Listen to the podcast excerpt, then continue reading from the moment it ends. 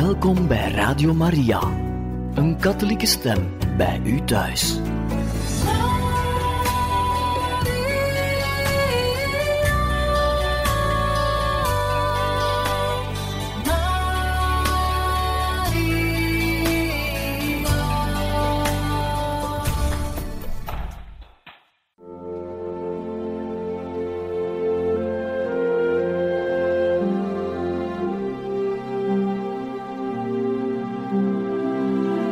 Beste luisteraars van Radio Maria, welkom bij het programma Catechismus. Een overweging bij de geloofschat van de kerk.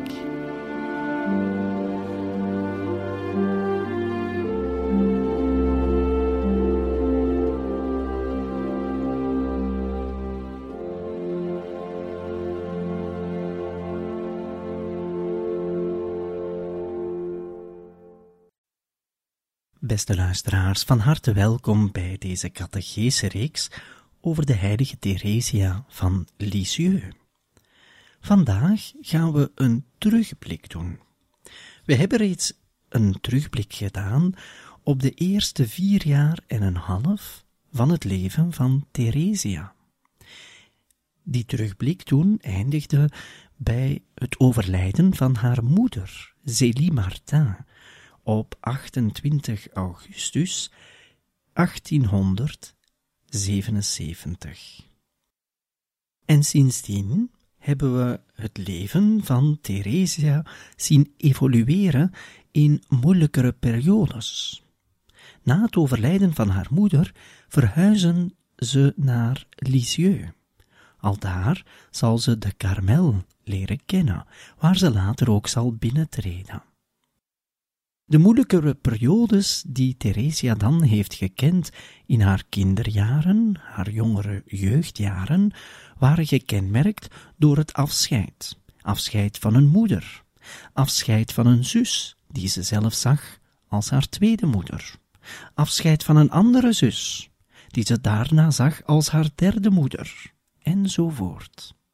Ze heeft het moeilijk gehad op school. Ze heeft ziekten gekend en ook een zeer bijzondere ziekte, die ze zelf toeschrijft aan de duivel. En zo gaan we nu even die biografie gedetailleerder bekijken, vanaf het jaar 1877 tot 1886, waar we gearriveerd waren tijdens de laatste catechese. We bevinden ons dus in het jaar 1877. Op 15 november van dat jaar zullen de vijf dochters van Zélie en Louis Martin aankomen in Lisieux, in hun nieuwe huis, gevonden door de nonkel, het is te zeggen, de broer van de overleden moeder. Op 30 november zal de vader, Louis, zelf ook aankomen in Lisieux. Twee weken later, omdat hij nog zijn zaak moest gaan verkopen in Alençon. Een hele goede zaak, en hij moest nog heel veel regelen na het overlijden van zijn vrouw. We komen dan aan het jaar 1878. Om het even te schetsen in de geschiedenis van de wereld, in het jaar 1878 zal Paus Pius IX sterven, op 7 februari. Twee weken later, 20 februari, zal Paus Leo XIII verkozen worden. Het is die paus die Therese later zal ontmoeten. We zullen het daar zeker over hebben tijdens de volgende catecheses. Maar nu dus voor het jaar 1878. In dat jaar zullen Pauline en Marie, de twee oudste zussen van Therese, de opvoeding op zich nemen. De opvoeding van Therese. En ze zullen haar ook de eerste lessen geven om te kunnen lezen, schrijven enzovoort. Het is voornamelijk Pauline die de tweede moeder zal worden van Therese. In 1878 kunnen we ook nog opmerken dat op 19 april Er wordt gezegd dat Therese voor de eerste maal, zeg maar, een volledige homilie tijdens een kerkdienst zal begrijpen. En het is een homilie die gaat over het lijden van Christus. Op 17 juni, en dit tot 2 juli van dat jaar 1878, zal Therese bij haar tante en nonkel verblijven, en daar wordt gezegd dat ze zeer vrolijk is en dat ze heel goed en vaak lacht. Een andere belangrijke gebeurtenis in dat jaar is op 8 augustus. Therese zal voor de eerste keer de zee zien, en dat is een ware ontdekking. Een ontdekking van de mooie natuur gegeven door de Schepper. En zo gaan we vlug naar het volgende jaar, 1879. Therese is dan zes jaar. Hier zal Therese zelfs beschrijven dat zij een keer kwaad is geworden tegenover Victoire. Victoire was de huishoudhulp die het gezin Martin in huis had genomen om te zorgen voor het eten en voor het huishouden. Victoire was goed en zal zeven jaar in dienst zijn, en Therese had het daar soms wel eens moeilijk mee. In de zomer van 1879 wordt er gesproken over een bepaald visioen, een profetisch visioen van de Vader. Misschien herinnert u zich dat visioen dat we ooit hebben beschreven tijdens deze catechese-reeks. Dat Therese op een bepaald moment iemand vreemds ziet in de tuin, die met een hoed aan aan het wandelen is, maar vrij vlug. En zij ziet daarin haar eigen vader. Maar het was onmogelijk dat het haar eigen vader was, want haar eigen vader was op dat moment niet aanwezig. In dat visioen, dat zij later als profetisch aanschouwt, zal zij een les zien, dat zij afscheid moet nemen van o zoveel. Dat heeft ze al van haar moeder moeten doen, later zal ze het ook moeten doen van haar zussen en ook van haar vader. Daarover later meer. Nog te vermelden is op 29 mei een eerste communie van een nichtje, Jeanne Guérin. Dat was de dochter van nonkel Isidore, de broer van de moeder van Therese. Op het einde van het jaar 1879, een belangrijk moment, namelijk de eerste biecht van Therese, bij een priester van de parochie. Dit jaar zal het ook de eerste maal zijn dat Therese de kapel van de Karmel zal bezoeken. En zo komen we al aan het jaar 1880. Op 2 januari wordt Therese zeven jaar. In dat jaar wordt er gezegd dat Therese alleen en zelfstandig zal kunnen schrijven. Op 13 mei 1880 zal de eerste communie plaatsvinden van de zus Céline. Therese beschouwde dat bijna als haar eigen eerste communie, en het is vanaf die dag, 13 mei 1880, dat Therese zich ook volledig zal voorbereiden op haar eigen eerste communie. We hebben gezien dat haar voorbereiding zeer belangrijk was en zeer goed. Het zal ook lang duren. Op 4 juni van dat jaar 1880 zal de zus Céline ook gevormd worden. Nog te vermelden is dat zij in dat jaar voor het eerst eigenlijk enkele brieven schrijft en dat ze ook begint te lezen. En zo komen we al vlug aan het jaar 1881, het jaar waarin ze acht jaar wordt. Van dat jaar dateert er een foto, een foto genomen samen met Céline, haar zus. Op 10 juni in 1881 zal zij een vogel krijgen. Therese hield van de dieren. Eigenlijk hield ze van de gehele natuur. Daarin zag ze altijd de schepping. De schepping aan ons gegeven, om ervoor te zorgen, om het er goed te hebben, maar vooral om God in dit leven en doorheen de schepping ook te ontdekken als een zorgzame vader. En het is de vader, Louis, die een vogel, een ekster, zal geven aan Therese, die zij zal verzorgen. Op 3 oktober 1881 is er dan een hele belangrijke stap in het leven van Therese.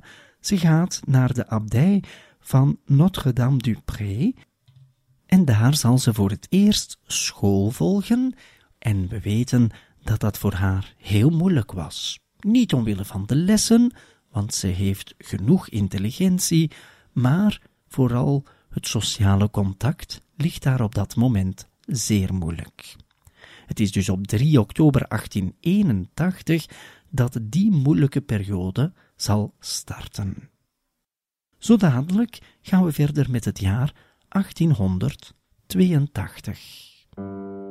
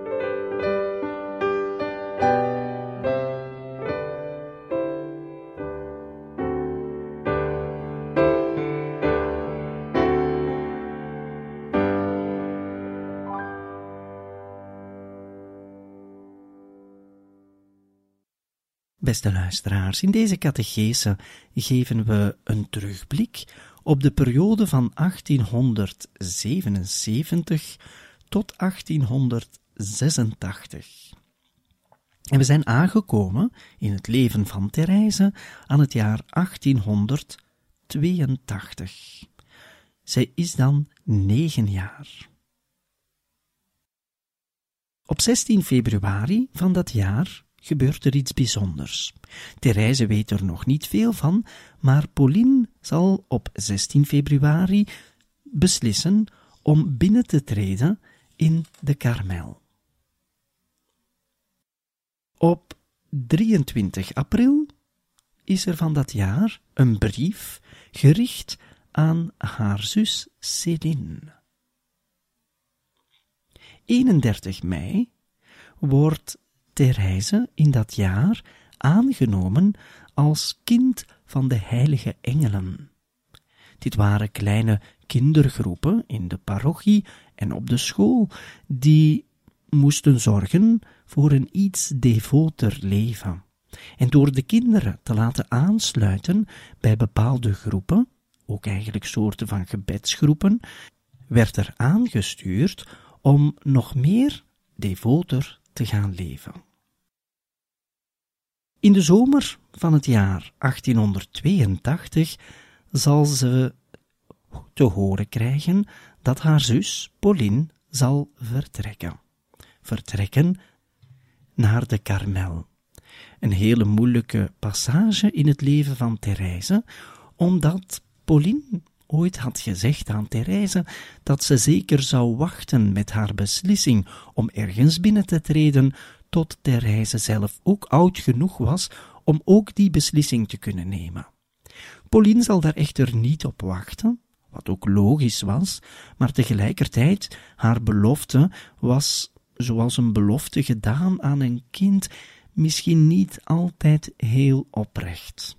Later zal ze daar spijt van hebben. Niet van haar keuze om binnen te treden in de karmel op die leeftijd, maar wel dat ze die belofte had gemaakt. Therese zal daar onder te lijden hebben, omdat zij het volste vertrouwen had in haar tweede moeder, haar zus Pauline. Op 2 oktober van dat jaar 1882 zal ze binnengaan in haar tweede jaar op school. En op diezelfde dag zal Pauline in de Karmel officieel binnentreden. In die maand, door de contacten met haar zus in de Karmel en de hele korte bezoeken af en toe, zal Therese reeds zeggen dat ze zelf ook karmelites zou willen worden. De moeder-overste van de Karmel in Lisieux zal op dat moment haar reeds een religieuze naam geven. Ze zal namelijk voorstellen dat ze Therese van het kind Jezus zal noemen. Het is dan ook die naam die zij later officieel zal aannemen wanneer ze binnentreedt in de Karmel van Lisieux. In de maand december van dat jaar zullen we zien dat de gezondheid van Therese afneemt. Ze wordt ziek.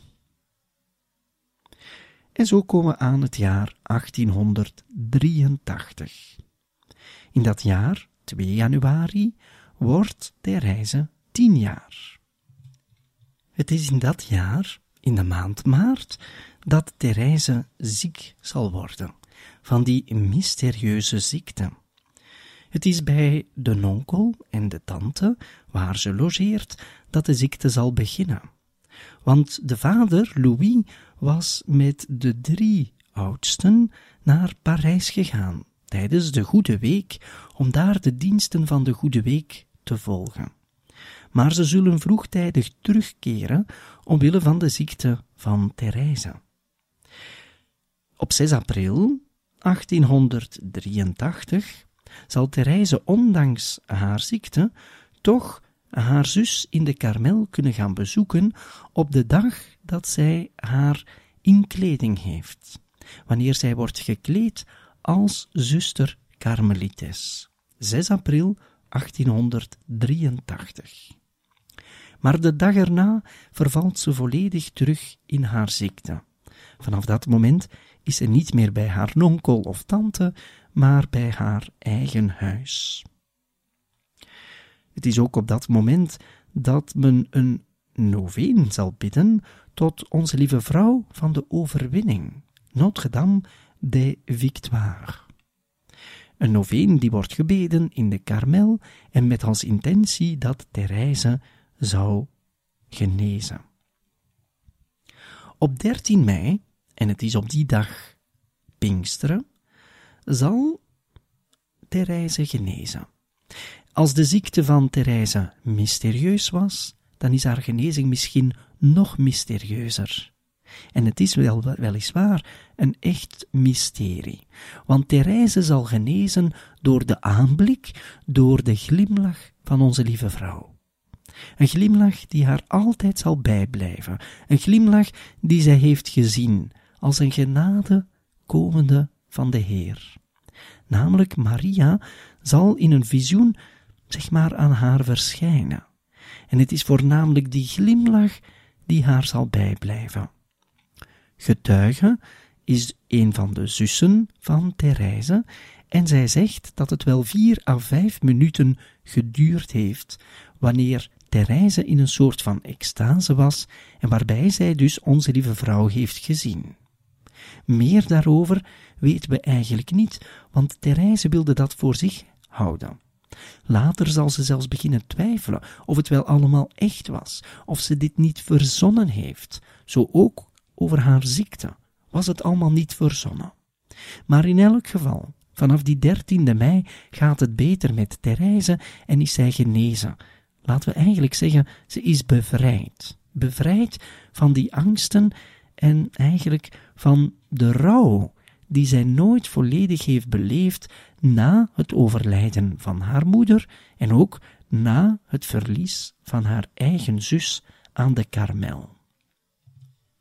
In de maand mei van dat jaar 1883, na haar genezing, kunnen we ook zeggen dat ze grote pijnen heeft, omwille van die twijfels, maar ook omdat velen aandacht besteden aan dat visioen dat ze heeft gehad en dat ze graag voor haar had gehouden.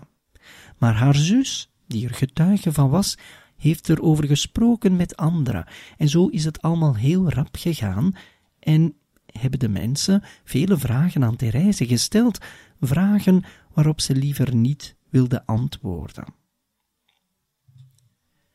Verder in dat jaar 1883 kunnen we vermelden dat zij op vakantie gaat in de zomer vanaf 20 augustus tot 30 september, een vakantie naar Alençon. En eigenlijk ook naar haar geboortehuis, en het is daar dat zij aan het graf van haar moeder in dat jaar zal bidden. Op 1 oktober 1883 begint het nieuwe schooljaar. En vanaf dan, in dat schooljaar, zal haar voorbereiding op de eerste communie nog groter worden. Het wordt nu een effectieve voorbereiding op haar eerste communie, waar ze zo lang naar heeft uitgekeken. En die eerste communie zal plaatsvinden in het jaar 1884. Maar daarover zo dadelijk meer.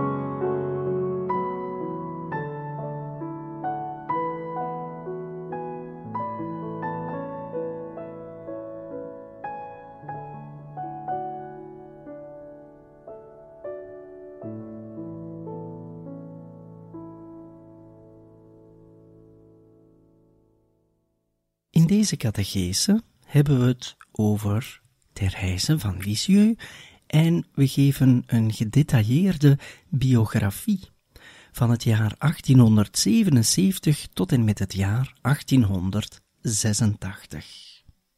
We waren gekomen aan 1884. Wanneer op het einde van het jaar 83 haar school begint, een nieuw schooljaar waar ze het altijd moeilijk mee heeft, zal ook haar effectieve voorbereiding op de eerste communie van start gaan. Ze is zich al langer aan het voorbereiden door haar liefde met de Heer te vergroten, maar nu is het effectief. Ze zal haar eerste communie mogen doen. In het jaar 1884, vanaf de maand februari, bij het begin van de vasten, ontvangt ze van haar zus Carmelites een eigenhandig gemaakt boekje om een eerste communie mee voor te bereiden. Aan de hand van dat boekje waar er gebeden in staan, waar er ook gevraagd wordt om goede werken te doen en om die te tellen, zal zij zich nog beter voorbereiden op die ontmoeting met de Heer in de communie. Op 2 april zal ze een examen moeten doen van de catechismusles en ze zal goed slagen. Van 4 tot 8 mei zal zij een retraite volgen op school. Een retraite die zal gepredikt worden door een priester die heel negatief klinkt.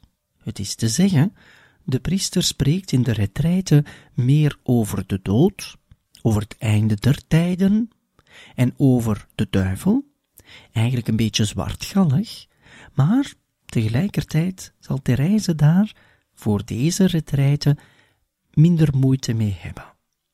Nochtans zal zij veel meer het positieve uit het geloof halen. Hetgeen dat gelukkig maakt, hetgeen dat hoopvol maakt, en niet hetgeen dat angstig maakt. Maar haar retraite voor de eerste communie, en waar ze notas van zal nemen, wel vindt plaats in 1884 tussen 4 en 8 mei. Dan op 7 mei zal zij een generale biecht spreken, en op 8 mei is het dan de grote dag, de dag der dagen, zo zal zij zeggen, de dag namelijk van haar eerste communie.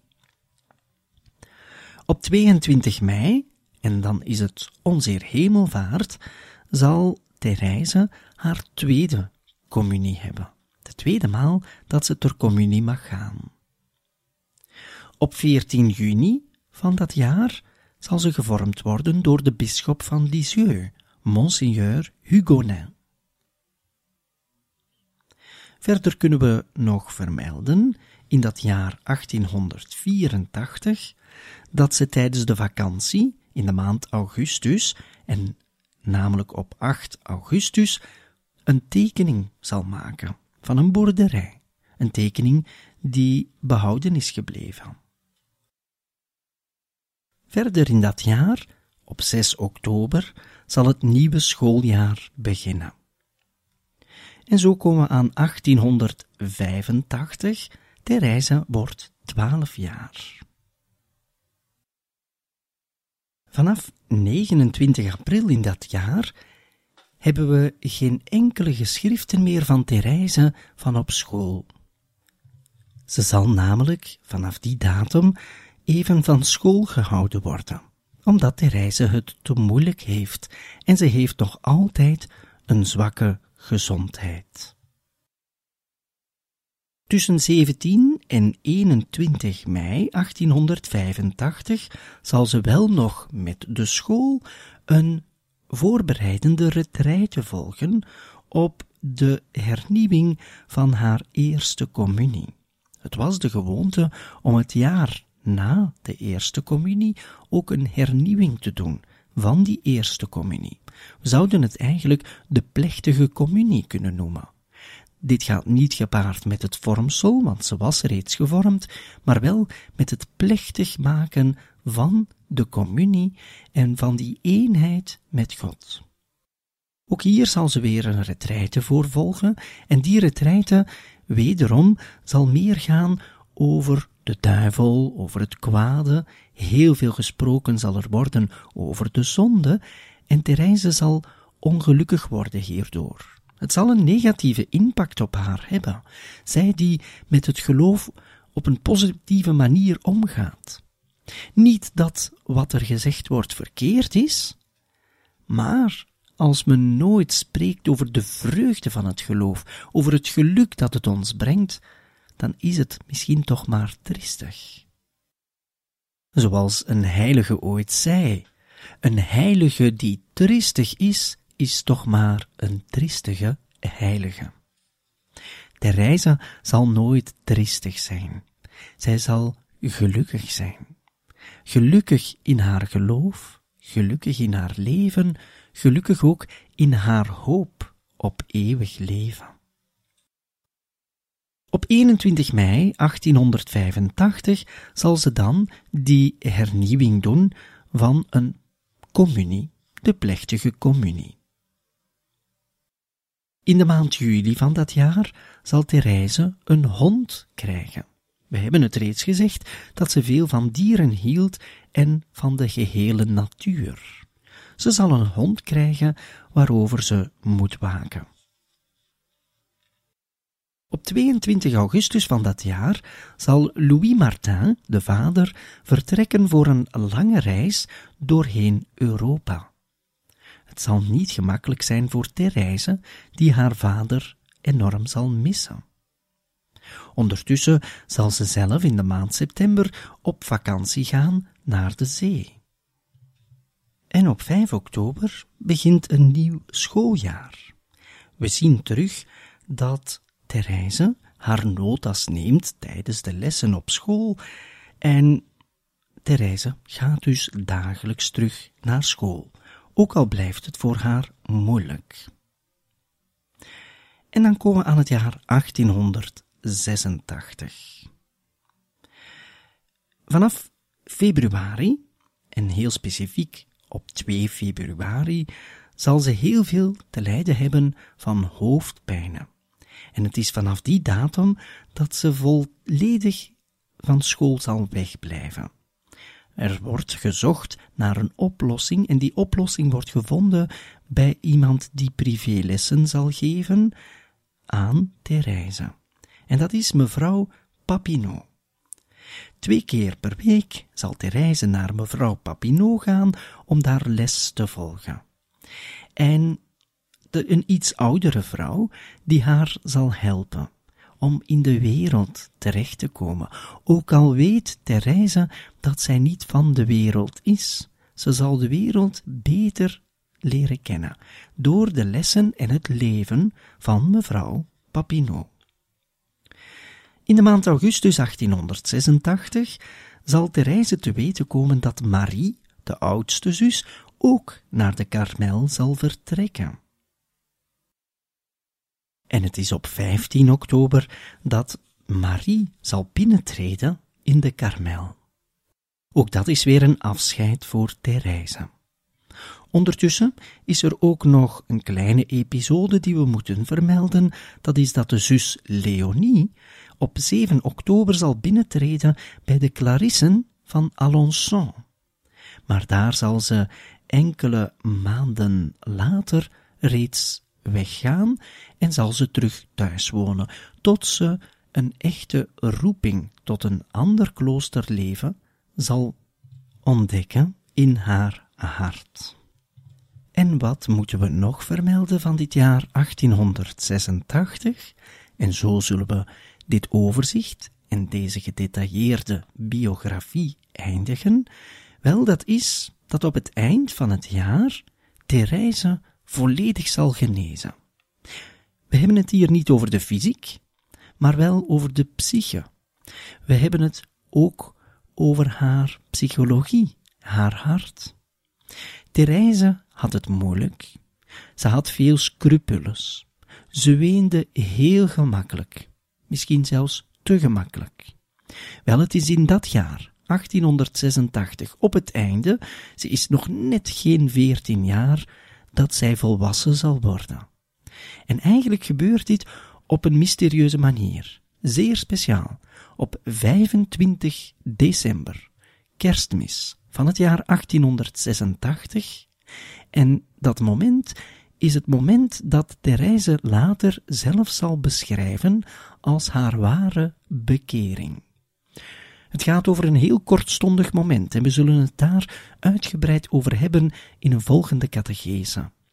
Maar nu kunnen we reeds vermelden dat Therese in 1886 op het einde van het jaar zal genezen, zal volwassen worden. Ze zal weten dat de mensen van haar houden, dat God van haar houdt. Ze zal geen scrupules meer hebben, ze zal niet meer zozeer geneigd zijn om voor alles zomaar te gaan wenen, maar in tegendeel, ze zal gelukkig worden, zelfs in het lijden dat ze zal kennen.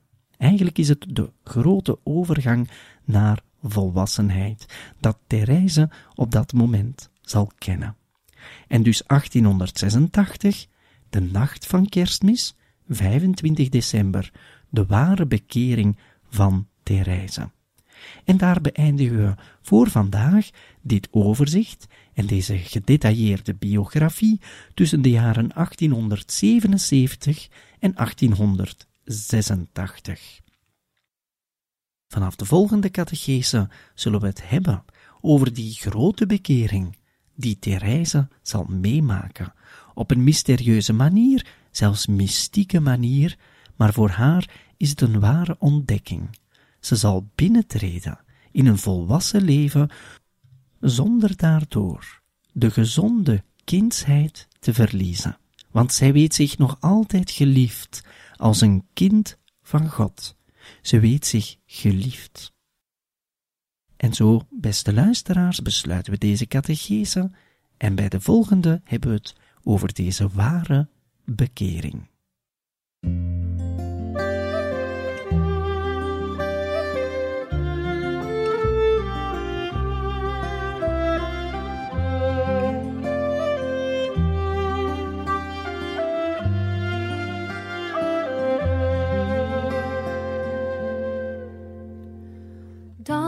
mijn Vader, voor al uw genade die u liefde volgeeft.